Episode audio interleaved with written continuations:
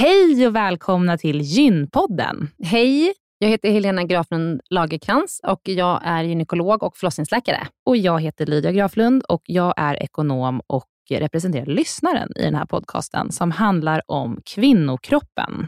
Det är vetenskaplig fakta om kvinnokroppen och det du hör i den här podden är det som man kan höra om man får träffa en läkare eller en barnmorska i ett eh, möte. Men ibland så bjuder vi in gäster som berättar om sina personliga erfarenheter och ibland är det också spekulation, men då är det verkligen tydligt att det är spekulation. Annars är grunden för den här podden vetenskaplig fakta om kvinnokroppen. Så är det. Hoppas att ni vill lyssna. Välkomna. Välkomna.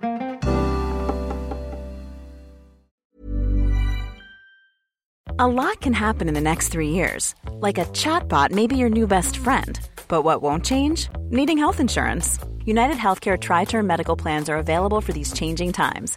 Underwritten by Golden Rule Insurance Company, they offer budget friendly, flexible coverage for people who are in between jobs or missed open enrollment. The plans last nearly three years in some states, with access to a nationwide network of doctors and hospitals. So, for whatever tomorrow brings, United Healthcare Tri Term Medical Plans may be for you. Learn more at uh1.com.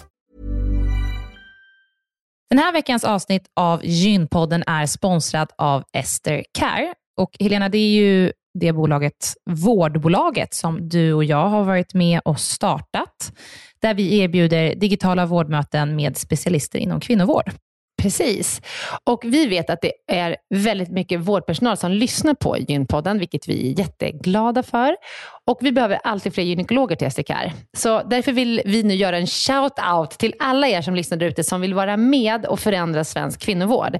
Vi söker specialister inom gynekologi, men också ST-läkare som har kommit en bit in i sin ST och som vill arbeta digitalt eh, med handledning på, hos oss på SDKR. Mm. Och precis som det är för våra patienter som kan söka vård hos oss, det vill säga att de kan bo vart som helst i landet eftersom vi är digitala. Om man laddar ner appen och så bokar man ett vårdmöte, så kan ju även läkaren bo vart som helst i landet eller flytta under tiden man jobbar hos oss. Det är ju väldigt, väldigt flexibelt eftersom eh, man jobbar hemifrån. Och Jag tänker att det måste ju också vara helt underbart att som läkare kunna arbeta hemifrån och planera sin egen tid några dagar i veckan. Ja, verkligen.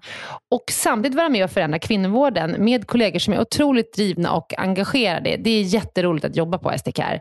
Och jag tycker att det här är en häftig grej som vi gör just nu, att vi erbjuder gyn, äh, gynvård i hela landet. Och vilka är de vanligaste patientmötena du tar, Helena? Ja, men det är ju klimakteriet, eh, PMS, eh, mensbesvär. Och det är ju såklart ärenden och eh, diagnoser som går att hantera digitalt. Men vi remitterar också vidare när det behövs mm. Eh, och tar labbprover när det behövs mm. och så vidare. Mm. Så gå in på sdcare.com, klicka på jobba hos oss i menyn för att läsa mer och skicka in en ansökan. Tack så mycket. Tack och välkomna. Jag tror att många känner som jag just nu en stor sorg för vad som händer i Ukraina och eh, att man känner att man vill på något sätt kunna hjälpa till, men kanske inte vet exakt hur. Ett tips från oss på Gynpodden är att bidra till flyktingarna som lämnar Ukraina just nu, vilket man kan göra via UNHCR, som är FNs flyktingorgan. Eh, krisen drabbar både barn och familjer och liv och säkerhet är i fara och UNHCR är på plats. Så man kan bidra med eh, olika typer av summor som, som kommer att hjälpa människorna som är på flykt just nu. Ett eh, exempel är 370 kronor räcker till ett akut nödpaket som räddar eh, livet på människor som eh, är i en akut situation idag. Och eh, om man bidrar till UNHCR så dubblas din gåva av Akelius Foundation.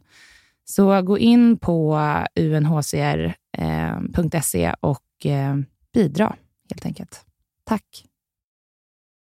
Hej! Välkomna till Gympodden. Välkomna. Eh, hur är läget Lydia?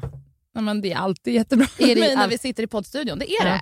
För jag är alltid så jäkla taggad på varenda poddavsnitt som vi spelar in ja. och även idag. Även mm. idag. Mm. Speciellt idag kanske? Speciellt idag, absolut. Det är din kompis som är här. Mm, det är det. Ja, vill du mm. ge en presentation? Välkommen Mikaela Hamilton!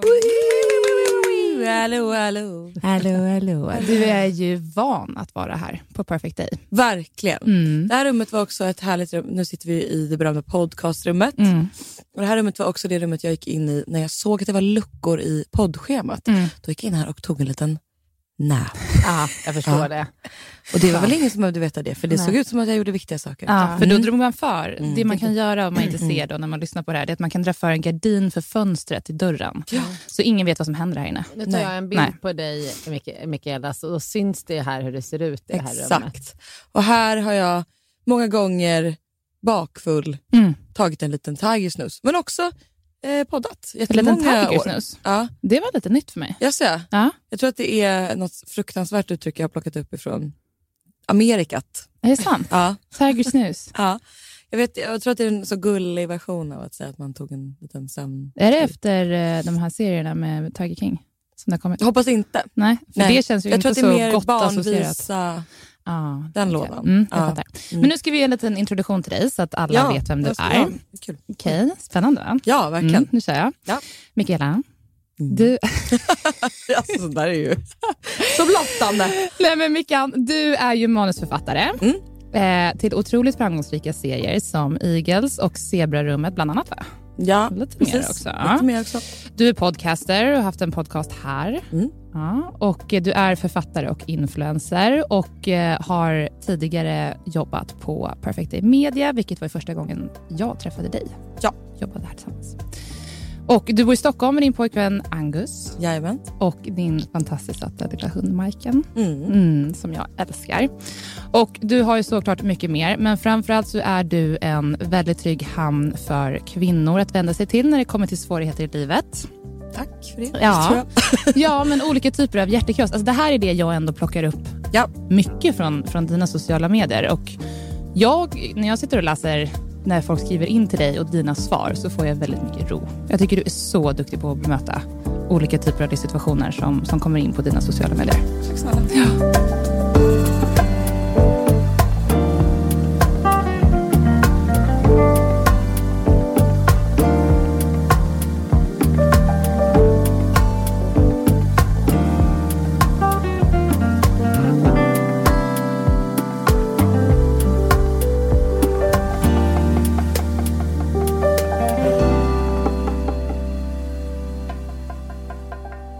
Lydia, vad ska vi prata om idag? Ja, men det vi ska prata om idag är eh, kvinnohälsa överlag och framförallt din relation till det samt hur det är för dig att leva med PCOS. Ja, Ja, spännande. mm. Ska Det vi, ska vi prata om idag. ska vi, vi kan ju börja med att säga att jag, du och jag har inte träffats förut. Nej, men, Men, men, vi har pratat i telefonen. Ja. Ja. Så här är det ju, att jag är ju, är ju gynekolog. Och Ju. Är ju, ju gynekolog. Och är man ju gynekolog, då blir man ju ofta ja, men, tillfrågad att hjälpa till att reda ut problem. Men Ja. du blir det i alla fall, för du är sjukt generös med att eh, folk får vända sig till dig. Ja, men det är klart, vad ska man, vad ska man göra Men på jag sin tror inte fritid? alla är Men det är du verkligen. Ja, Mm. vad bra. Men och då så, så är Lydia och jag tillsammans på ett ställe och sen så säger Lydia, vänta, vänta, Helena, du måste hjälpa min kompis Mickan. Kallas det det? Ja. Mickan. Ja. Hon har ett problem som vi inte, jag kommer inte ens ihåg vad det var. Vi behöver inte heller överhuvudtaget gå in på det. Det blödde utav bara helvete. Mm. Från ingenstans. Så var Mm. det. Just det. Du hade fått Skitläskigt. vaginalblödning. Och du tyckte det att det inte fanns någonstans att vända sig till med Nej. den här frågan. Vad var det liksom som... Det var så konstigt. kän- Det var, alltså, nej, det, fanns bara, det ing- bara kom. Ja, men och sen så fann, du visste inte vad du skulle göra? Eller liksom bara, Nej, men för Hur- att, fan, jag ringde till 1177, Mm. för det tror jag... Eller så. mm. Mm. Hej, jag är 30. Det är väl det man gör. Eller så här, det är väl det man kan. Typ, att så, ja, är- har du problem som inte är akut, typ att du håller på att dö, Mm. ring 1177. Mm. Ja, så gjorde jag det och då var de så, ja, mm, är det, vad är det för typ av blod då? Då var så, ja, eh, jag vet inte. Ja, eller, ja, ja. Mm. Och sen så var de så, ja, nej, men är det, och är det liksom att du att det inte slutar så får du åka in akut. Typ. Säger de inte alltid det? Jag tycker också det. Det är Mm. det enda rådet man någonsin Mm. har fått. Mm. Eh, och jag var så här, okej, men vad, vad är vad beror, alltså vad, vad kan det vara? Och då var jag så här, ja, det vet vi inte såklart. Och då var jag så här, ja, de har kan ha haft missfall. Jag bara, nej, eh, nej, det, det är inte det liksom. Jaha. Ja, nej, ja. Och så frågar de alla de här frågorna. Så är det Mm. samband med samlag, bla bla bla. Mm. Alla de här liksom, Och sen så kände jag bara till slut att så här, men nu, nu säger ju inte du någonting till mig Mm. utan att det typ är så, vad tråkigt, ring mig om du fuckar ur, kram. Det var liksom det jag tog Mm. ut från det. Och då så skrev jag väl ut på Instagram, att jag var så, fan vad sjukt att man liksom, här sitter jag och typ blöder och är så, jaha, nu då? Typ. För de var så, är det mens? Alltså, ja, alltså, det är väl en rimlig fråga. Det är väl som att folk när man ringer in till så tekniker säger, har du stängt av och satt på datorn? Ja, det är klart som fan att jag har gjort det. Men det är väl ändå bra att fråga en sån fråga, tänkte jag. Men det, det hjälpte inte mig så mycket. Och då så plockade Lydia upp det och var så här, vet du vad, min syster kanske kan hjälpa dig med det. Och då skrev jag liksom en fors till Lydia, vad det var. Och det var så väldigt too much information. Men jag kände bara, men vad fan. Liksom. Ja. eh, och sen så fick jag prata med dig i telefon. Du räckte liksom över luren. Mm. Så var det. Ja, men jag tror att jag gulligt. bara ringde upp dig och sen gav jag Vi stod på Ja. flygplatsen i typ Norrland och Mm, var på väg det. till en, någon grej. Ja. Men ble, fick du hjälp då tycker du? Av dig fick jag det, för det var så, det var så otroligt eh, pedagogiskt. Att det var så, mm, det kan ju vara en ficka, alltså det var någon form av, vad var det, en liten ficka? Eller Vad säger man? En liten Polyp sa du, polyp, tack. Mm. Ja, Mm. som kan blöda. Det var så, ja, ja, det var väl det. För sen slutade det ju. Ja, så du Ibland så är det ju bara Nej. lite lugnande så här, besked att det här låter inte jättefarligt. Ta det lite lugnt. Typ. Sätt Men en- det behöver en man ju också få från någon som vet. Ja. Alltså, Men- det går ju inte Mm. att bara prata med en kompis och bara det är nog lugnt. Mm. Så, Nej, Men jag så vet väl- också, ja, förlåt. Mikael, att jag sa några saker till. Jag sa typ... Ja, gud. Eh, ja, nej, det var inte så. så var så tack, det är polyp, hej då. Jag är ganska säker på att det här är en polyp. utan, liksom, efter två minuters anamnes. Exakt. Nej, men jag sa väl typ att eh, har du gått på cellprovsscreeningen? Ja. Eh, se till att du lämnar ett cellprov närmsta veckorna tycker jag. Ja. För det är väl en sån grej som man verkligen vill kolla. Ja. Och annars är det så här, slutar det blöda så är det liksom rätt lugnt tror jag. Mm. Ja, precis. Och det var väl typ så du sa. Och då, gjorde- då, då fixade jag så att jag fick gå och ta ett sånt. Och det såg bra ut. Mm. Och har det och inte hänt igen sen efter det? Nej, eh, det har det ju inte. En gång, ingen gång brukar vi tänka. Ja, jag, ja, Ja, det är bara sånt som kan hända faktiskt. verkligen. Även fast det är otillfredsställande. Jag tror det, det, som är så här, det som jag vill också slå ett slag för det, när det kommer till så kvinnohälsa så pratar man antingen om dem som är så alarmisterna, alltså de som åker in jämt, hypokondrikerna som är så, nej jag håller på att dö, typ. Mm. mina tarmar kommer åka ut mitt kön. Typ. Sen finns det ju vi som aldrig typ åker in. Alltså som är så här, jag, jag har haft liksom, ja, men PCOS, sjuka smärtor när syster spricker, ligger på golvet, kan knappt andas, kan knappt stå upp, håller på liksom, på riktigt svimmar, åker ändå inte in. För att jag har liksom lärt mig att Mm. det spelar ingen roll, för att vad ska de göra? Du kommer få en Al- Alvedon och en Ipren och sen kommer du få gå hem. Så att det är väl också så här, det som är farligt är väl dels ett, att man inte vet vart man ska vända sig med saker. Men också två, att så här, förtroendet för att om jag väl vänder mig till er, om jag nu säger att om jag behöver hjälp med det här, så händer det väldigt ofta att jag får ganska bryska, nonchalanta svar. Mm. Och det är även om det är akut eller icke akut. Mm. Men, och vad tror du det beror på? Eh, Jag tror att det beror på dels att det finns en, och det här är väl ett, någonting som man ändå kan säga ganska lätt, att det är, att det är väl ett övergripande samhällsproblem att det inte läggs mycket resurser på kvinnohälsa. Det får man väl säga. så. Men jag tänker också att det har att göra med en diskrepans, alltså en skillnad i vad kvinnan eller patienten överlag tror att vi gör på akuten. Ja. För att eh, jag jobbar ju jättemycket på akuten, har gjort det i jättemånga år. Både på liksom, medicinkirurgakuten och nu de senaste 13 åren på gynakuten. Och eh, det man gör på akuten, det är att ta hand om det akuta. Ja.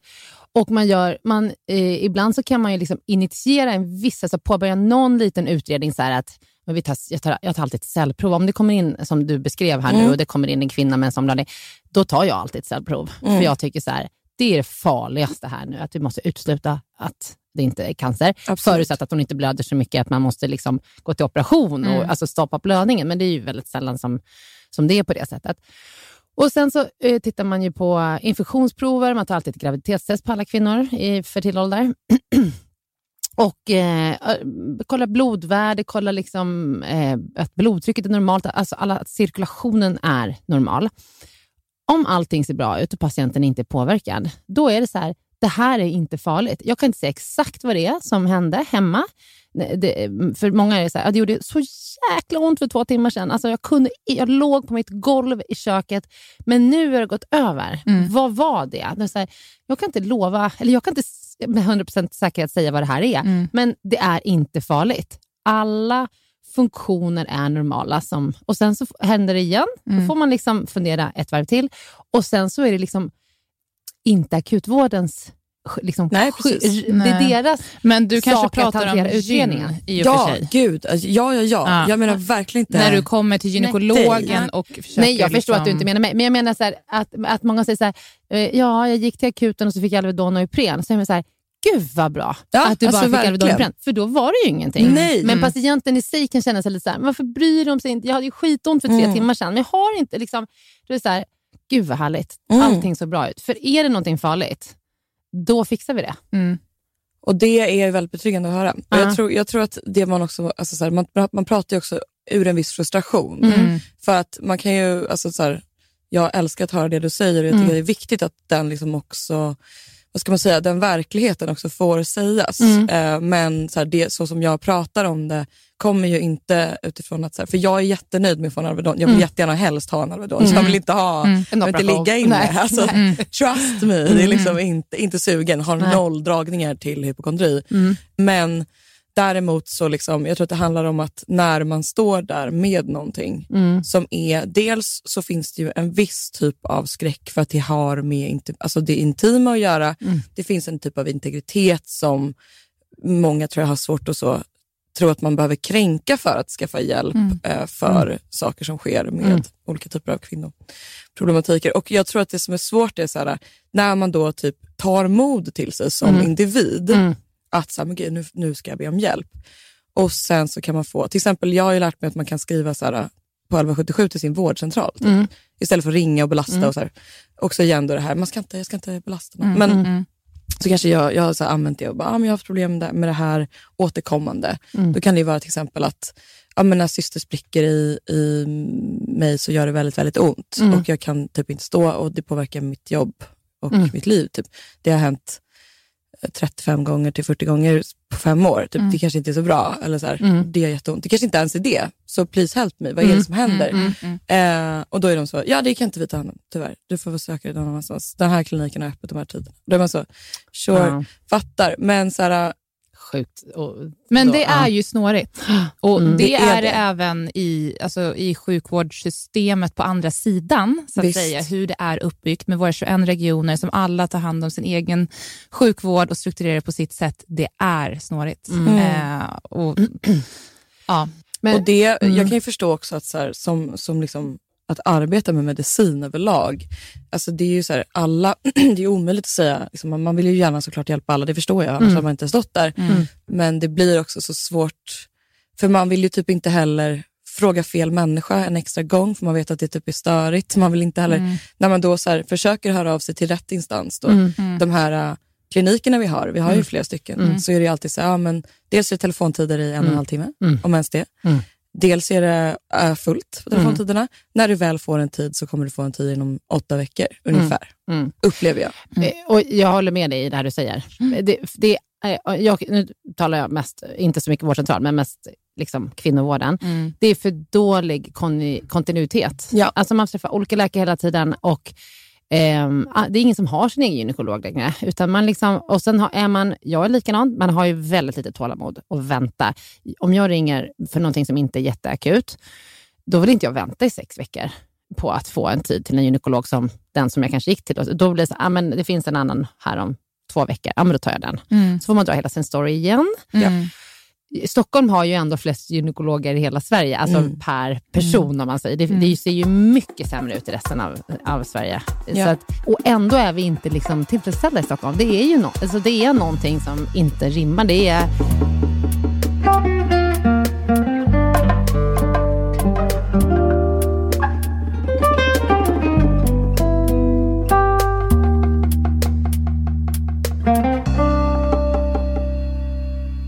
Den här veckan sponsras Gynpodden av Great Earth. Lydia, äter du några kosttillskott? Nej, jag gör inte det. Nej. Och, eh, Hur kommer det sig? Nej, men jag vet att jag borde göra det. Men jag tycker att eh, det är lite lurigt att veta vad jag borde äta. Mm. Det, inte, det blir ju inte helt tydligt för en. Nej. Men däremot så har jag varit inne på Great Earths hemsida Mm. och gjort deras behovstest, yes. vilket var Mm. superbra. Så jag svarade Jättebra. på en mängd frågor och sen fick jag rekommendationer på vad jag borde äta. Ja. Vad fick du för Ja, rekommendationer? men framförallt D-vitamin. Kanske inte helt chockerande Nej. nu när vi är inne i februari. Ja. D-vitamin käkar jag också. Ja. Varje vinter, från att det börjar mörkna på kvällarna Ja. och eh, hela vintern. Och man kan säkert behöva det på våren också och sommaren. För att D-vitamin är ju ett vitamin som produceras av solljus. Mm. Och vi har ju inget solljus här Nej. i Norden på stora delar av året. Så det är ett superbra kosttillskott. Bra att du, att du, fick, att du fick veta det. Och då kunde jag enkelt eh, klicka hem det, så skickas det hem till mig. Ja, jättebra. Superbra. Och det man ska komma ihåg med kosttillskott som jag tycker är liksom ändå viktigt, det är att det är ju inte en quick fix till att liksom bli pigg och sova gott och få finare hår och diverse liksom önskemål man har. Mm. Men den kan vara en superbra pusselbit till ett bättre mående. Mm. Om man därtill lägger till liksom bra kost och motion och bra sömnvanor så är kosttillskott superbra. Mm. Och Det jag tycker är extra fint med Great Earth som Mm. bolag, det är att Mm. de brinner extra mycket för kvinnohälsa, precis som du och jag gör. Och ehm, De vill vara med och knäcka gåtor kring PMS och eh, klimakteriet och eh, hormonell obalans och sådär. Mm. Och därför har de ett väldigt stort eh, produktutbud för kvinnor i alla åldrar, så att de kan stötta kvinnor genom, genom hela livet. Genom hela livet. Mm. Så vi tycker att ni också ska gå in och eh, göra det här testet. Få lite vägledning genom kosttillskottens djungel. Mm. Och testet gör du på www.greatearth.se. Och med gympodden 50 så får man 50 kronor extra rabatt på hela köpet utöver de 20% som gäller för behovstestet. Mm. Så go and support yourself, som eh, är Great Earths slogan. Ja. Eh, Så ska vi ta oss igenom den här sista delen av vintern. Exakt. Yes. Tack, Tack så hemskt mycket, mycket. Great Earth.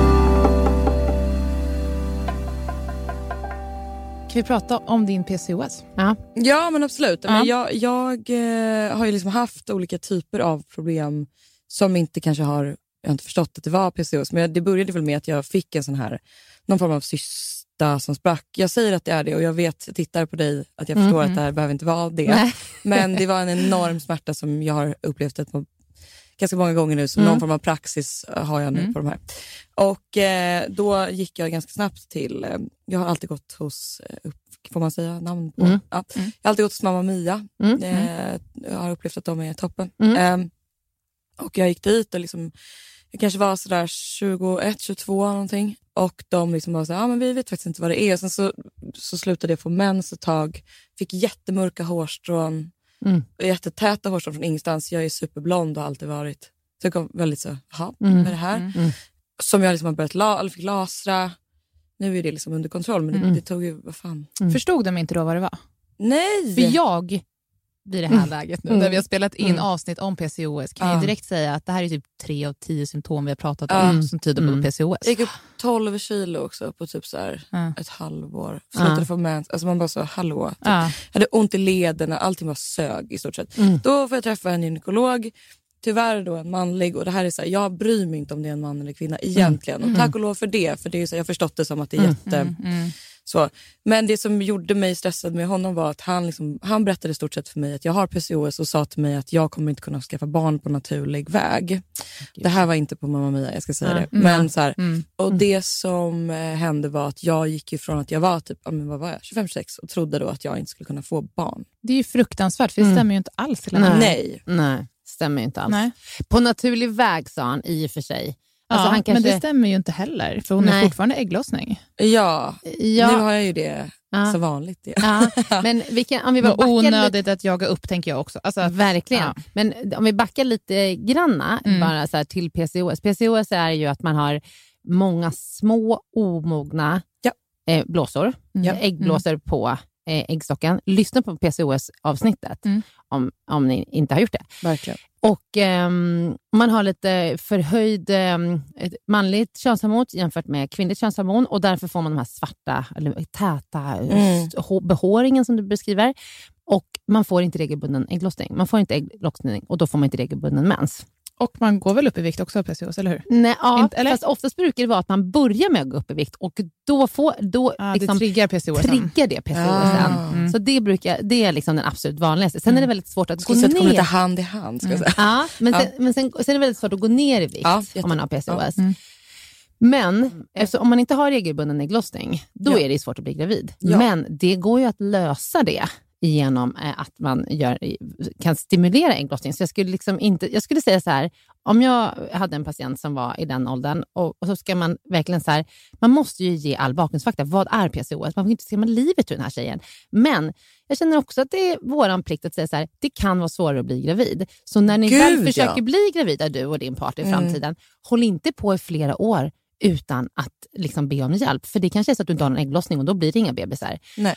Men kvinnor med PCOS får ju lika många barn som kvinnor utan PCOS, Ja. men med lite hjälp. Så Mm. man kan liksom lägga fram det på olika sätt. Och det var ett otroligt osympatiskt sätt att lägga på, fram det på som din läkare gjorde det. Mm. Och det som det slutade med att var, var att han direkt då började gå in på så här, ja, du får, jag kommer inte ens ihåg vilken, för jag det blackade ut eh, totalt när han satt och sa det, men det var ju så, du kan få IVF-hjälp gratis efter så här och så här många månader, vad det nu än är, ett år? Ja. Ja. ja. Nu vet jag. Mm. Men, eh, och han var så här, ja men så att du vet, jag var så här, jag är singel, alltså jag var så här, va, va, va, vad säger du till mig? Typ. Mm. Och det slutade ju med att jag då var så här, okej cool, jag behöver inte ha preventivmedel. Mhm. Så först sörjde jag ju i typ ett halvår, men mer. Det var ju typ det konstigaste jag har fått. Och jag var så här, men det där stämmer. Alltså jag kände så här, jag, jag, det är inte så att jag går därifrån och så det kommer aldrig med googla det här, jag läste Mm. jättemycket och förstod att okej, det där kanske inte var sant. Mm. Fick tillbaka min mens efter typ det halvåret. Det var lite rubbigt, nu har det liksom blivit bra. Men, Mm. Så jag har ju så här, jag, så det slutade med att jag fick en oönskad graviditet. Mm. Där jag kommer till SÖS, älskar dem på SÖS, Mm. eh, gin, eh, kingar. Jag fick Mm. en så här riktig så här, hon har jobbat där i 30 goda. Barnmorska. Ja, Mm. älskar min barnmorska. Hon var så jävla härlig. Hon bara så här, vad sa du att han sa? Mm. Och jag, var så Jag kan tänka mig exakt att hon låter exakt Ja. också. Och så hade de två flätor så här. Så hon så här, Hon ska slå ner för helvete alltså, det där går. Jag blivit galen. Galen! Och jag var så här, ja jag med. Typ. Jag bara, Så nu sitter vi här. Hon är så, "Åh, det här löser vi. Det är, då, det, jag kan bara säga till dig så här, vet du vad? Det finns till och med en chans att du får typ tvillingar rättare. För du har liksom fler ägg, så det är superlugnt. Och om du vill ha barn när du blir äldre, ännu äldre, ja då, då kommer du ha så mycket, ja det där, du vet, det där är bara skitsnack. Och det, jag var så, vem är du och varför har jag inte träffat dig för? Ja. Eh, så att jag fick liksom, så att jag, det, ja, jag, det krävdes att jag fick göra en abort för att förstå att jag kunde bli gravid. Ja. Ja. Nej, men, så, så var det med den saken. Och då var jag så, Så då "Ha." fick du göra en abort för att det var en läkare som sagt till dig att du inte kunde bli gravid. Ja. Och det, då skulle jag verkligen vilja lägga till, alltså det är så mycket fel i det här Mickan, Ja. så att det är liksom, för det är också så här, om du inte har mens, Mm. då ska man ju ha preventivmedel eller ett, en hormonell behandling som, allt som är liksom samma sak som preventivmedel för att skydda din livmoderslemhinna Mhm. på insidan av livmodern. För att då, annars har, har man liksom en östrogenpåverkan på slemhinnan i livmodern som på lång sikt kan leda till cellförändringar om man Toppen. inte har mens. Så det är liksom, alltså att han inte informerade dig om det, då ska man säga så här, du behöver inte ha mens varje månad, men man ska ha liksom, har man färre än fyra ägglossningar per år, alltså att man får en, fyra mens per år, Mm. då behöver man skydda sin slemhinna. Och det här går vi det- igenom i detalj i PCOS-avsnittet menar med bara, proffs. Men ja. alltså jag bara känner mig väldigt trött på den här doktorn nu träffade. Ja, verkligen. han har säkert gått i pension nu, så det är lite gamla Ja. gardet. Men Ja. ändå känner man liksom att, tänk vad mycket missförstånd som uppstår i Ja. sådana där situationer. Men jag fick ju, jag ska säga det, jag käkade gulkroppshormons eh, Mm. p-piller Efter aborten. eh, innan aborten Okej. också en stund. Men Mm. det var ju också så, äh. Men jag gjorde Mm. faktiskt det. Det konstiga Mm. var att jag hade faktiskt ätit dem under tiden jag blev gravid. Mm. Men det var väl, ja, de Mm. kickade väl inte riktigt in som de skulle. Nej. Men så att jag gjorde det. Men grejen är att nu är det ju så här, på något sätt så är det ju som att, nu har jag eh, spiral. Jag gick ju till en läkare, jag, jag vet inte hur mycket jag ska raljera om mitt eget skit. Raljera Men jag på. kör lite mer. Ja. Så får ni stoppa, stoppa Ja. mig. Ja. Nej men för ett år sedan, fan, jo i januari förra året så har jag liksom precis träffat Angus. Jag har då liksom fått de här jättetäta smärtorna eh, Mm. helt enkelt i, i, eh, i buken eh, så, som liksom känns då som att någonting spricker och jag är så här, jag måste gå och testa det, eller kolla vad det här är. Så jag får träffa en, en gynekolog på en gynmottagning och hon är typ så här, ja, eh, hör mig, liksom, lyssna på mig och sen är hon så eh, och du har fast partner? Och så, ja, ja, när tänkte du bli gravid? Och jag var så här, eh, jag, ja, inte nu liksom, utan nu måste jag bara lösa det här och typ, kan jag, jag har hormonspiral nu. Så jag bara, kan jag, liksom, finns det någonting annat jag kan göra för att det ska minska risken att det ska liksom spricka? Eller Mm. vad är det som händer? Eller liksom så. Och hon var så här, eh, ja nej det, det är det du liksom, det är det bästa du kan ha. Men du, eh, när du då eh, ska ha din IVF, då får du, jag var så här, jag försökte, och jag skojar inte ens, när jag, det här är liksom ingen överdrift, inget skydd. Jag fick flera gånger försöka styra tillbaka henne till vad syftet var Vad med att jag var där. Mm. Och sen så ska hon då liksom, hon ignorerar det här totalt och sen så berättar hon för mig i detalj om hur jag varje gång, eller varje år efter att jag nu fyller 30 så måste jag verkligen akta mig för min fertilitet, fertilitet bara skjuter ner i backen.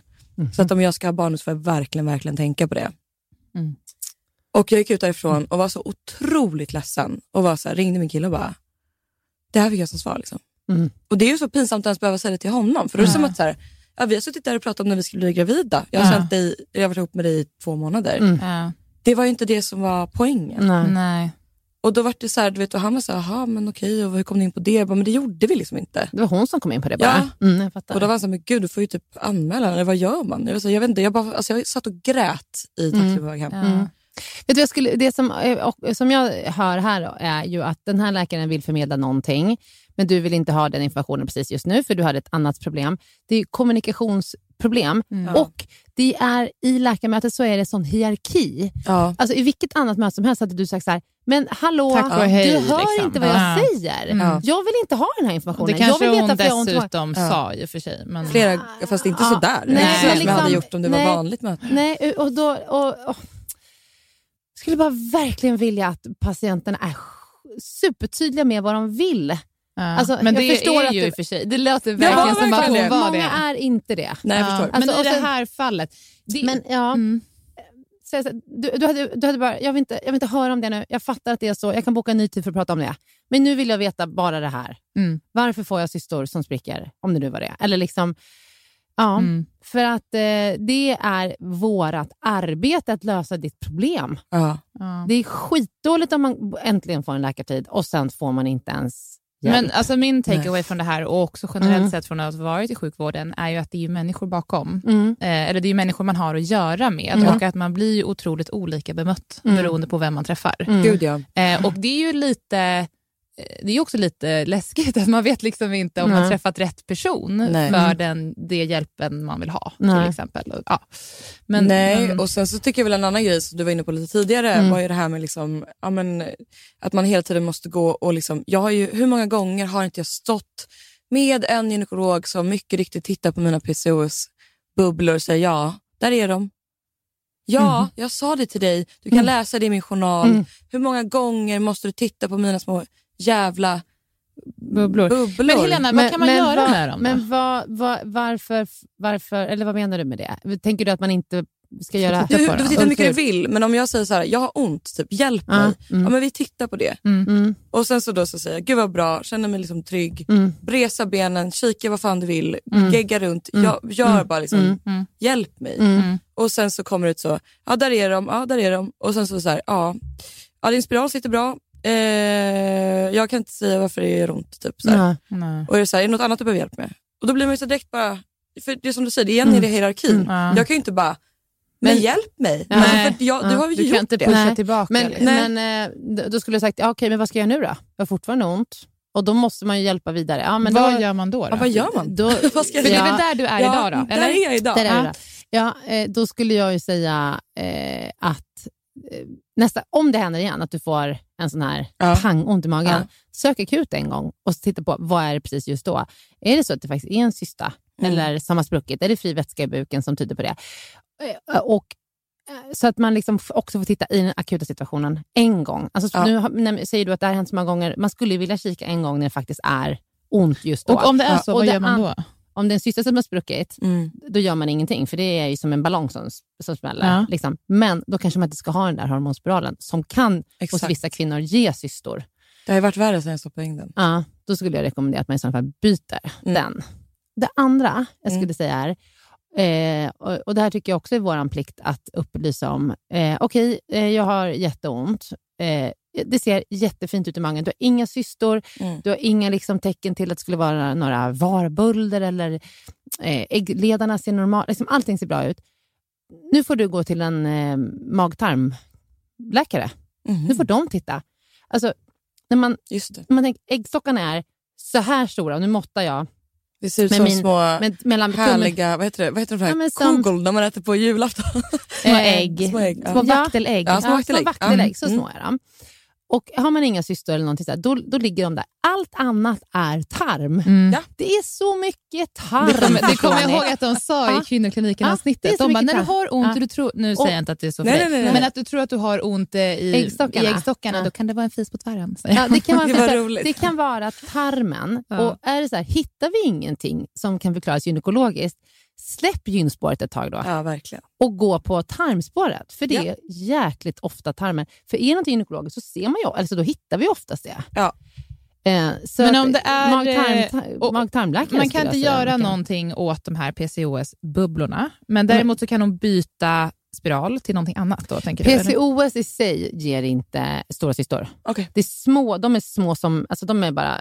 Varför säger de det då? Hos... Nej, men det, alltså, du har ju uppenbarligen inte PCOS nu, för nu har ju du en regelbunden mens och ägglossning. Så det är Mm. Ja. säkert så att du gick ner de där kilorna Det gjorde igen. Mm. Japp, och då återställs hormonbalansen. Ja. Och då får man regelbunden. Så att du har ju en benägenhet man har ju att ha... kvar i och för sig ganska många Ja. symptom. Absolut. Du har Ja. ju kvar eh, benägenheten att få den här oregelbundna Ja, mensen och den här uteblivna ägglossningen. Ja. Så att om du skulle gå upp igen i vikt så skulle du säkert utlösa det. Mm. Men just nu har du regelbunden mens. Och har du då den här eh, spiral, hormonspiralen så finns det en ökad risk för att eh, vid ägglossningen då, att de här blåsorna blir stora. Ja. Eh, och, och det, men och det, är har inte med frånkopplat det, på PCOS? det är frånkopplat PCOS. Det var det värsta. Mm. Så byt spiralen om du har haft det här så många gånger. Om man nu vet att det är cystor. Det, Det, ja. vet inte Nej. du, för du har aldrig, egentligen, det är aldrig någon som egentligen har sett det. Nej. Så därför så... Ah, men då Mm. har vi två.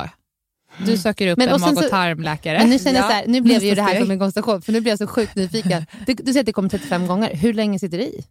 Ja, men typ en timme, två. Och sen så är jag svag en halv dag. Typ. Men jag tar en Ja. Ipren och så power Ja. through. Men alltså det är Jag tror inte att det, det grövsta vi har. För grejen är att när eh, för, eh, de här systrarna som spricker, Ja. det händer ju, systerruptur kallas det, det händer det ser vi ganska ofta på gynakuten. De kommer faktiskt in med ambulans ibland, de kvinnorna, för det görs så, det är ju som att en ballong spricker i magen. Ja. Pang säger det. Ofta i samband med samlag eller toalettbesök Ja. eller liksom så här, pang säger det. Ja. Och det man ser då, det Mm. ibland ser man en sammanfallande cysta och ibland ser man lite vätska längst, längst ner i buken. Ja. Men den här vätskan som man då ibland ser, den retar lite. Så det här brukar sitta i ändå ett par dagar Mm. eh, tills den här vätskan absorberas. Då brukar man rekommendera så här, Alvedon och Ipren. Det är inget farligt, men det är bara Alvedon och Ipren liksom för att dämpa den där. Liksom, det blir som en liten inflammation, en liten retning. Så, Ja. den där vätskan. Eh, och sen så är det inget mer med det. Det är helt ofarligt. Men Bra. det är otroligt obehagligt när, det händer. Så att om, om du får mer indikation på att det faktiskt är det, då skulle jag ju byta preventivmedel. Ja. Eh, och är du osäker så skulle jag utreda tarmen. Det blev en helt annan podd det här. Hej välkomna till min tarmhälsa. Hur kan jag hjälpa dig? Alltså det är gott, eh, gott eh, sällskap med alla andra kvinnor. Ja, men vet så ni vad? Mm. Så här, it's, it's being a woman, eller hur? Mm. Ja? Men sen är det ju bara så här, det är gött att höra. Alltså, du vet, så här, det som du säger till mig nu Mm. är mer än vad jag har fått hjälp på på åtta år. Och det säger någonting. Ja. Ja, det gör det. Ja, Ja. det är väl bara det. Mm.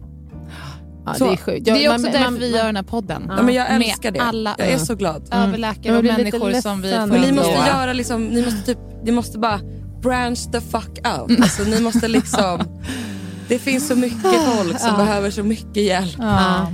Alltså, det är så här, skulle det finnas liksom bättre kvinnovård som alternativ så skulle Selling a little or a lot?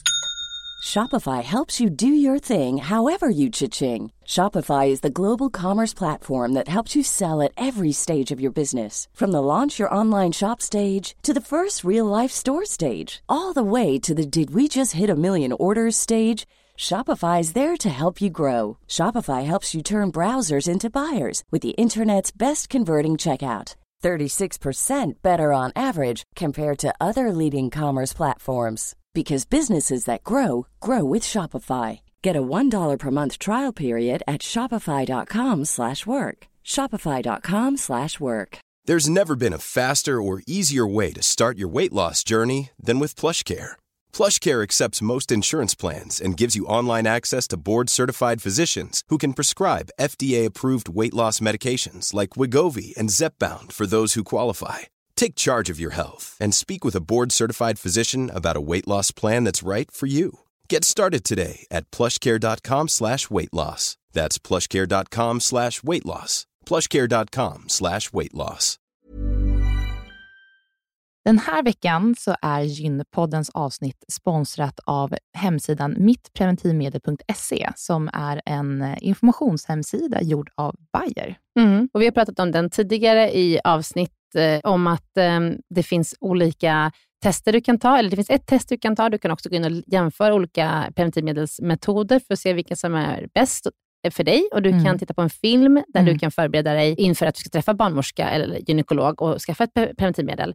Men det vi skulle vilja berätta om idag, det är att det finns också då eh, på mittpreventivmedel.se så finns det en bra lathund om man råkar glömma ta sitt p-piller, eftersom det beror ju lite på liksom när i kartan som du glömmer att ta ditt piller. Mm. Och Då kan du gå in under rubriken “Känner du igen dig?” så finns det en rubrik som heter “Undvika oplanerad graviditet”. Mm.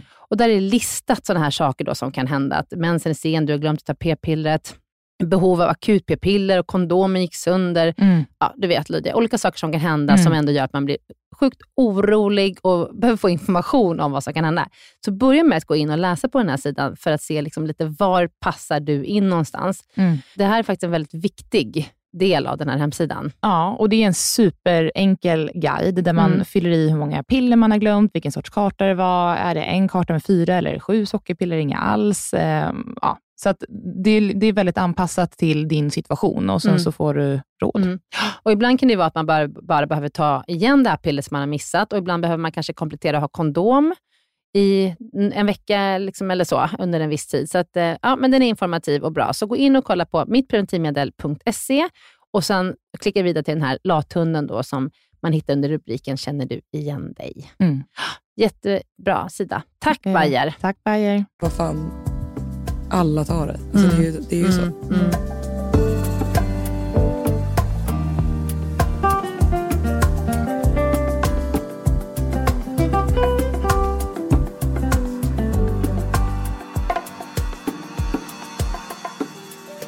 Okej, men nu har vi rätt ut din PCOS. Det känns bra tycker jag är så glad. Och eh, du vet att du kan bli gravid. Ja, Ja, eh, i allra högsta. Så passa dig, Mm. håll ett bra preventivmedel. Ja.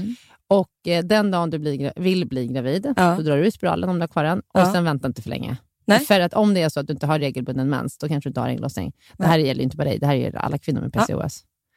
Så, Hur länge tar... Och det här är, Mm. okej. Får jag ställa några Mm. snabba? Ja, kör. Okej. Eh, ja, då har jag frågor. Dels, eh, hur lång tid tar det om man drar ut spiralen? Mm. För det, jag, jag råkade, mm, det ska jag också säga, Mm. råkade dra ut min egen första hormonspiral ur min egen kropp för jag trodde att det var ett tampongsnöre. Nej! Jag så då fick jag ringa 1177 och sa, Oh my hej jag står här med en Spiral! spiral i handen. Är det farligt? Men vänta, då har du dragit ut den ur livmodern? jag trodde att min första spiral satt väldigt lågt, alltså det var långa trådar. Mm. Så jag trodde att det var en tampong som hade fastnat. För jag bara, har jag tagit ut den? Har jag inte tagit ut den?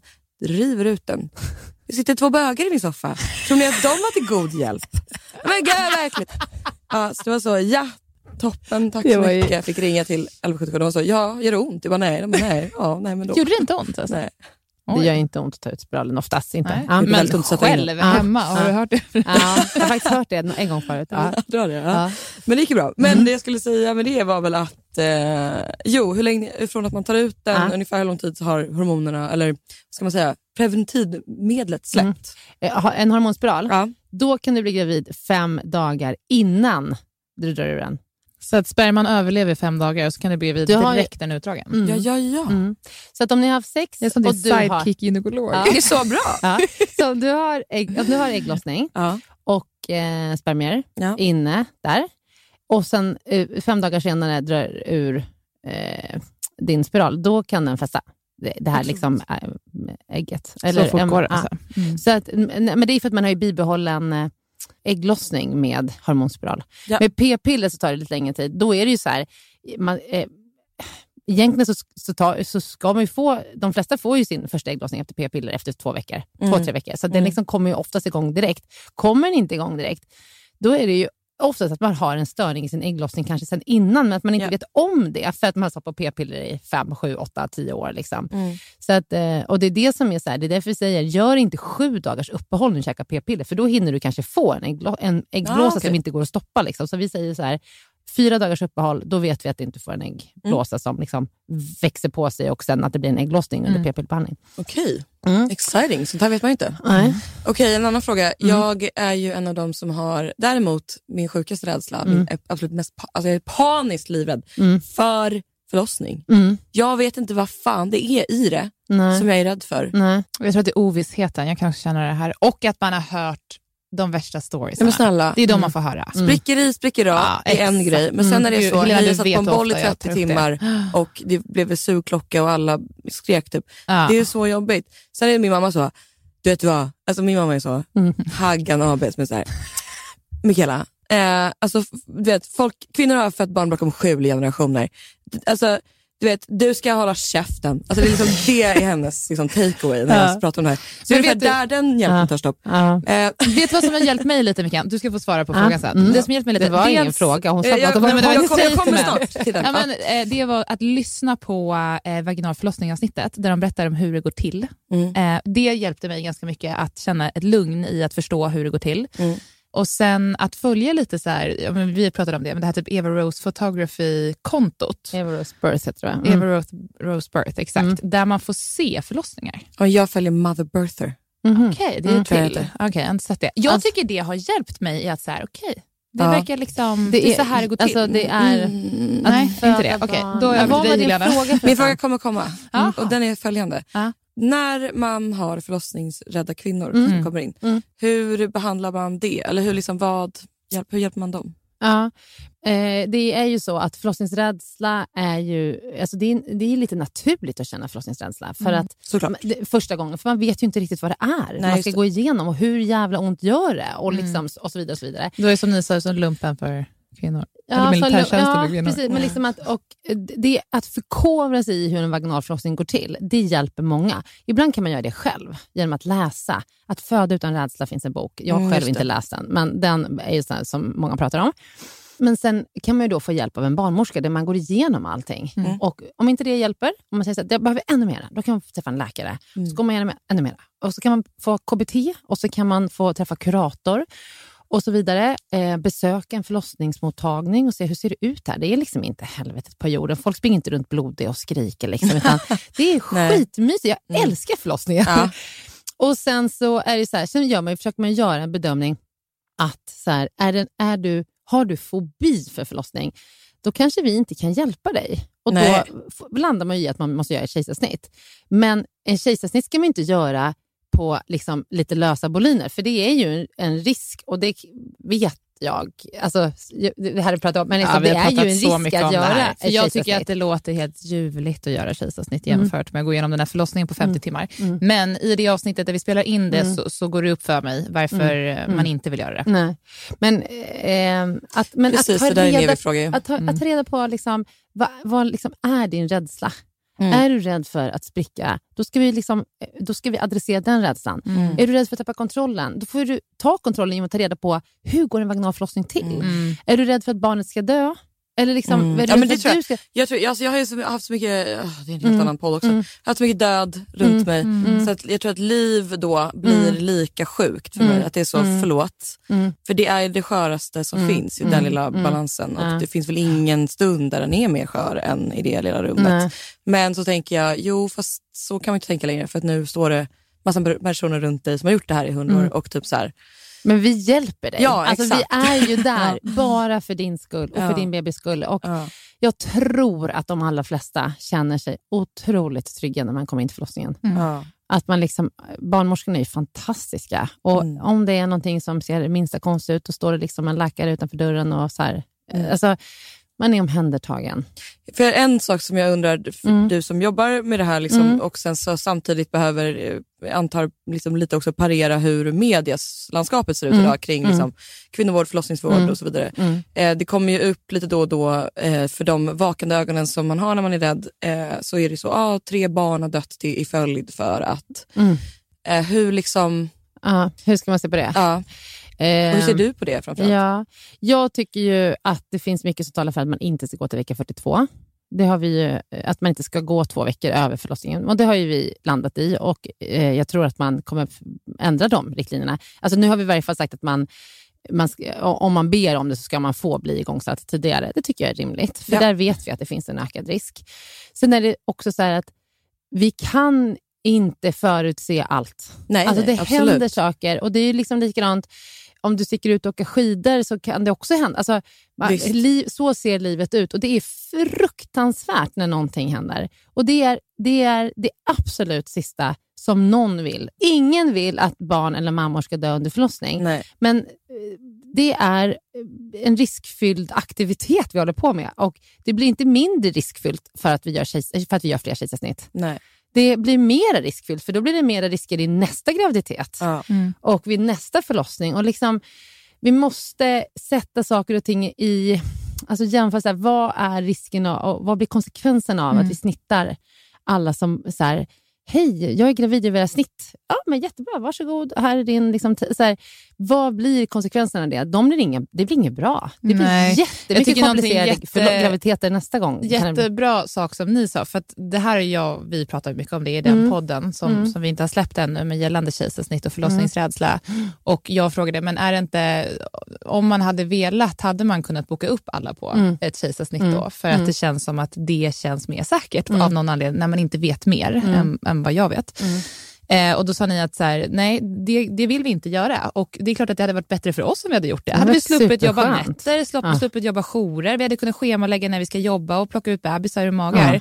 Så det handlar ju inte heller om vad, alltså, att det inte skulle vara bättre för er Nej. eller liksom sjukvårdspersonalen, utan det är ju vad som är bra för kvinnan. Ja. Eh, och Det blir så väldigt tydligt i det avsnittet, så vi Ja. ska inte gå in på mer detalj i det. Liksom. Absolut Men, inte. Men det, det som jag tycker, eller så här, det fin- existensberättigandet av den här podden Mm. gör sig påmint var 30 sekund som ni öppnar käften. Alltså så är det. För att det är så här, att sitta och vara kvinna 30 och inte veta Mm. en tredjedel av det här är liksom, alltså, dels förkastligt Mm. alltså, så som privatperson, Mm. men också så här, att vi inte har haft de här konversationerna på Mm. den här typen av sätt Mm. är absurt. Mm. Alltså för att det är så här, att mötas alltså kvinna kontra liksom vård Ja. alltså i ett sånt här rum. Måste, Men alltså Mickan, så- det, här är ju det vi har upptäckt. Alltså det, var ju, Ja. det var ju det du och jag upptäckte. Mm. Där du är läkare. Mm. Eh, vi pratar inte jättemycket of, liksom ofta om de här områdena i sig, du och jag privat. Nej. Men däremot så är jag på sociala medier och jag ser vad folk skriver. Och Jag tror att det började med att jag skickade till dig Helena, så här, det var någon som skrev men det borde, vara, det borde vara rutin att ta hormontester för att förstå sina hormonnivåer, för att det ger XYZ-symptom eh, och då kan man justera de hormonnivåerna så mår man bra. Så skickade jag det till dig. Jag bara, stämmer det här? Det är helt, alltså, shit vad bra. Alltså, Åh, vad bra. Vadå, kan, man bli, kan man bli pigg av att man skjuter in lite östrogen? Eller du vet, Mm. liksom så här. Och du Mm. bara, nej, nej, nej, nej. Och jag bara, stämmer inte det här? Det är helt sjukt. För Mm. det här står, alltså jag, jag läser det här överallt Mm. Och eh, jag tror ju på det här. Eh, fast jag inte vet, för att jag vet ingenting. Nej. Eh, och så pratar jag med dig. Om jag läste det, jag läste, du skickade ett inlägg om det här om, för häromdagen. Ja, men jag ser det överallt. Om man ska Ja. testa sina hormoner hela tiden. Eh, jag kan tänka, tycker jag också, så här, absolut, betala dig själv och du vet vad du ska göra med dina blodprover. Så, alltså, Vad ska du göra det. med dina blodprover? Men vad ska du göra med resultatet? Mm. Alltså, vad ska, du är 30 år och eh, östrogenet är... Alltså, jag, vet inte ens, jag vet inte ens vad det ska och så var det visa. som du sa, du Det- sa ju att hormonnivåerna de är ju dessutom olika från Ja, dag till de- dag i nej, hela inte, men de, de varierar ju hela Ja. menscykeln. Eh, det, det man kan göra, så om, man läm- om man helt plötsligt inte har någon mens eller någonting, om man är i 40 år, Mm. då så här, fasen, jag kommer till klimakteriet. Då kan jag tycka finnas värde att ta sina hormoner för att ta Mm. reda på, är jag i klimakteriet? Mm. Men som 30-åring om du har regelbunden mens, vad ska de proverna visa? Vad ska du göra med resultatet? Östrogen är 30. Varsågod Mickan. Ha. Ja. men så här, Jag vet- okej. ja, nej, men Nej, snälla. men så här, och så bara, ja, men jag har regelbunden mens. Ja, nej, men ditt östrogen är lite lågt. Så här. Ha, ska du börja med eh, hormonbehandling, klimakteriehormon? Alltså, så här, vad ska du göra med resultatet? Din kropp funkar ju. Det är, så här, det är Ja. helt ovetenskapligt att hålla på och testa så. Ja. Eh, sen kan jag tycka att eh, vissa kvinnor ibland skulle vara hjälpta av att ta sköldkörtelhormoner. Man skulle kunna hjälpa att ta eh, blodvärde och järnvärde. För om man har riklig mens kan man ju sjunka i blodvärde och järnvärde. Mm, då blir man, mm. kan man bli väldigt trött och så. Sköldkörteln är ju, kan vara ett stort problem. Liksom. Men att ta sina könshormoner fattar jag inte vad man ska göra med resultatet. Nej. Men det får jättegärna de här tjejerna som Ja. lägger ut det Men min på. poäng var i alla fall att eh, det florerar mycket information. Så att det är också på något sätt någon sorts själv... Eh, liksom rening i hur mycket man orkar ta in och att man inte heller vet vad stämmer, vad stämmer inte. Jag tycker det är väldigt skönt att få prata med dig då, Mm. för då Mm. känner jag så här, Du behöver inte lägga det? pengarna på att ta det där hormontestet.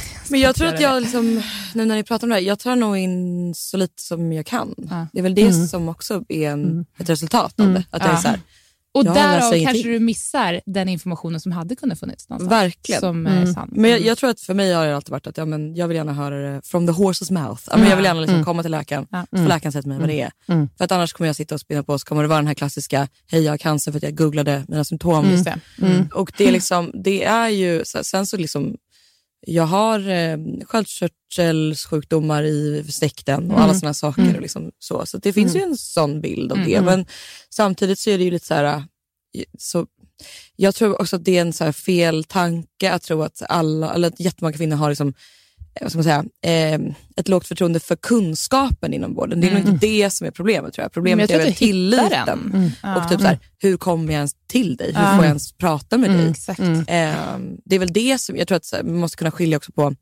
alltså, det finns ju ett spektra av liksom, Såklart. här lägger vi upp att du borde göra det där och sen så finns det de som bara är så, tja jag har bara ont lite, kan jag bara få Mm. prata eller jag är rädd eller jag är liksom Mm. oroad Mm. eller vad det är.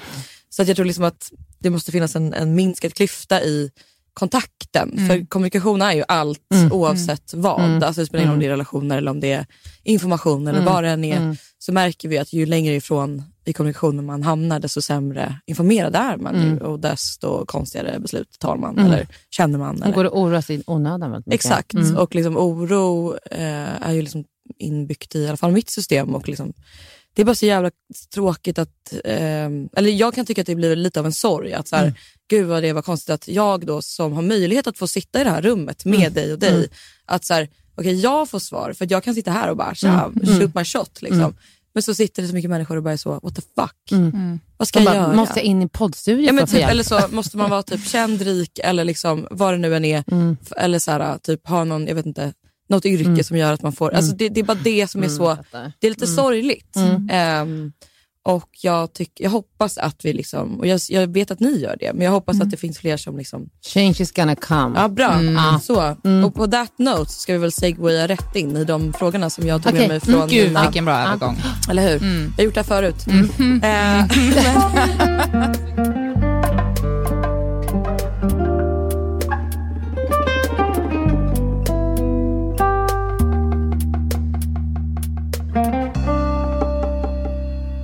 jag, jag ställde en fråga, för er som inte vet det, Mm. på min Instagram. Mm. Jag sa att jag skulle komma hit och man Mm. fick möjlighet att, att, att fråga loss. Mm. Exakt. Och jag tog med mig en, en liten skärva av Ja, en frågor. litet liten skärva. Kan du dem utan till? För du har inte något framför dig. Nej, men Nej. jag kan några av dem. Ja, det kan Ja, det. shoot. Jag har dem också här. Ja, kör. Ja. Ja, men kör, du kan Nej, börja. kör. Go, Okej. go. Okej, första då. Eh, kan, eh, om man är 34 och vill kolla upp fertilitet, vart ska man vända sig? Jag har försökt bli gravid i fyra månader. Mm. Ja, eh, var ska man vända sig? Det är ju till gynekolog. Det finns ju ingen annanstans att vända, vända sig för att kolla sin fertilitet skulle jag säga. Eh, gynekologer finns ju lite överallt, även på IVF-kliniker. Men fyra månader är ju extremt kort tid för att eh, testa att bli gravid tycker jag. Mediantiden att bli gravid är sju månader.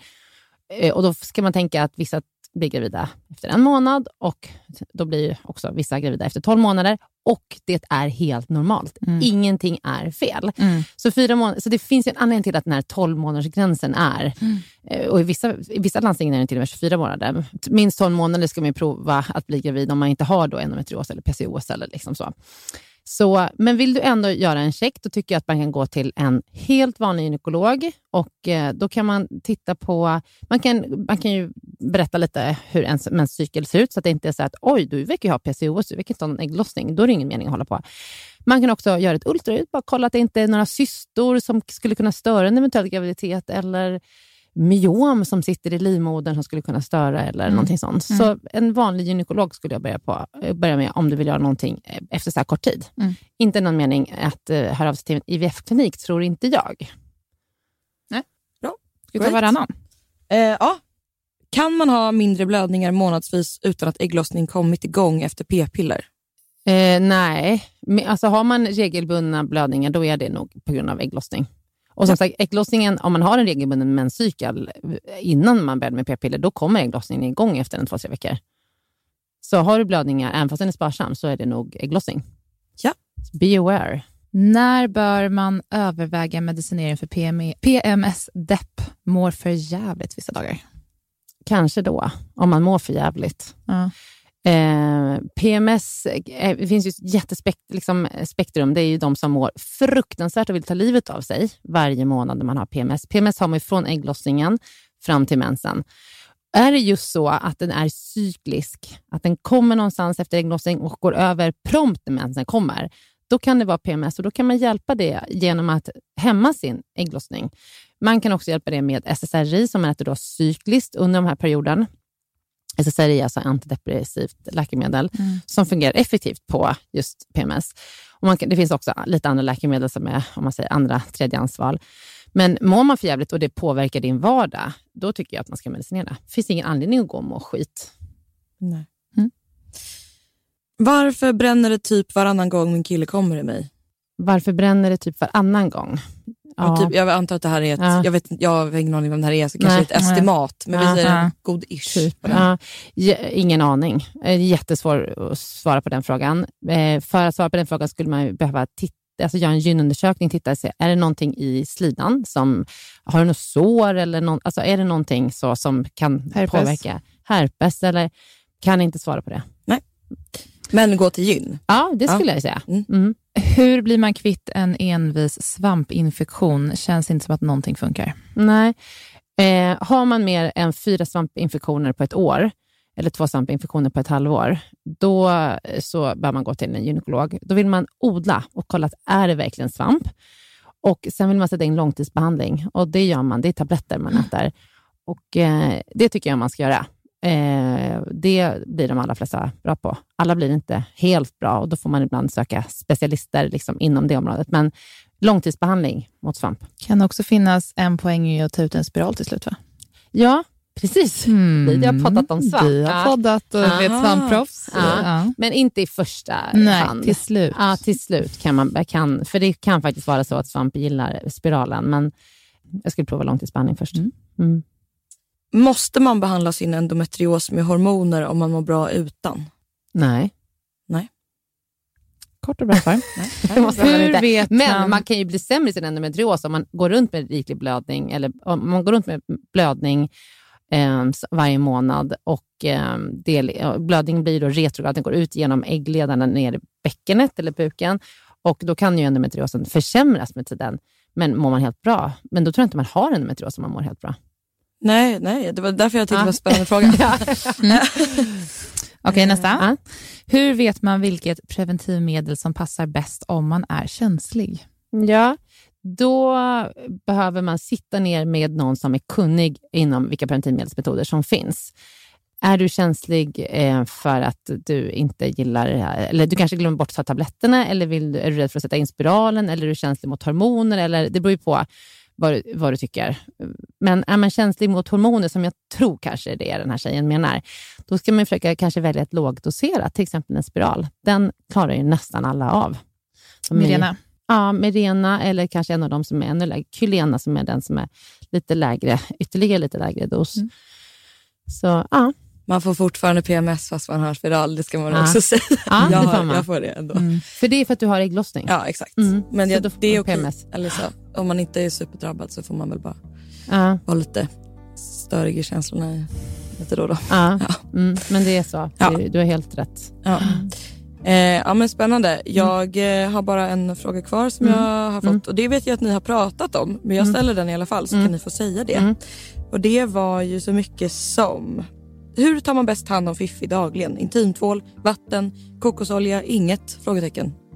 Och så står, säger hon basic men ärligt talat fått ett, inte fått ett bra svar och hittar ingen fungerande rutin. Nej, vatten Mm. är ju faktiskt det som fungerar bäst. Om man inte har några besvär, Ja. så bara tvätta med vatten. Aldrig tvål eller parfym, parfym i underlivet. Det torkar ur slemhinnorna och orsakar verkligen problem. Ibland söker folk och kommer till och med till vår vulvamottagning på Danderyd som är liksom subspe, alltså verkligen subspecialiserad inom det här. Och det, det problemet är att de använder tvål under livet. Mm. Alltså Gud, problem solved Och av vad tvål. kan du, då kan du använda lite babyolja eller liksom Ja, någon, men för det första, bara ta bort tvålen och se vad som händer. Ja. Men en del har ju, så, har ju så sköra slemhinnor på grund av till exempel jättemånga upprepade svampinfektioner, Mm. att man nästan inte ens kan ha vatten i underlivet. Då kan man använda olja Mm. som skyddar och sen tvätta med vatten och sen tvätta med olja, eller sen ha på olja igen Mm. och lite liksom, fukt, alltså, Typ det, vaselin eller mjukgörande salva efteråt Ja. kan man ha i vulva. Mm. Så, men aldrig tvål, aldrig parfym. Good to know. Ja. Ja, jag tror att det är den sista frågan. Det var sista frågan. Och nu har vi poddat Ja. eh, i över en timme, så vi rundar av. Ja. Nu rundar vi av. Så kul att du kom hit Mikaela. Mikaela, Ja, men kul. fan, vilken grej. Jag är så ärad och det känns verkligen som att, eller jag antar att jag stämmer in i kören när jag säger det. Men fan vad kul det är att ni gör det här och det känns så viktigt. Och eh, jag hoppas att eh, hela eh, liksom, fittbärarkåren lyssnar så att säga.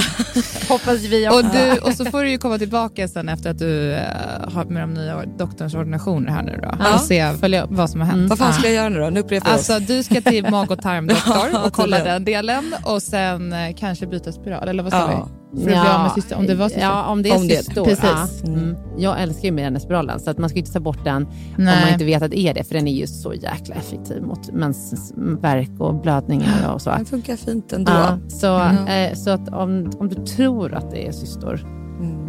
eh, då ska du ta reda på Alltså, att ja, det är det. precis. Jag ska, jag ska, som sagt, lärt mig hur mycket som helst. Ja, bra. Tack för detta. Vilken grej. Sköt Tack. om dig. Tack. Hej då.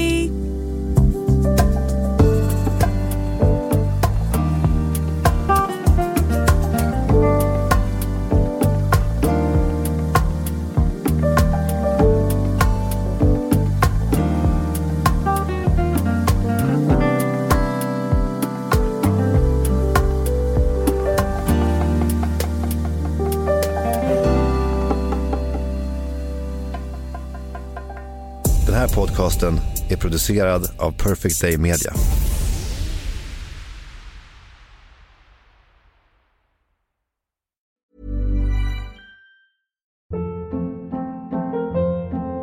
Hold up. What was that? Boring. No flavor. That was as bad as those leftovers you ate all week. Kiki Palmer here, and it's time to say hello to something fresh and guilt-free. Hello Fresh. Jazz up dinner with pecan-crusted chicken or garlic butter shrimp scampi. Now that's music to my mouth. Hello Fresh. Let's get this dinner party started. Discover all the delicious possibilities at hellofresh.com.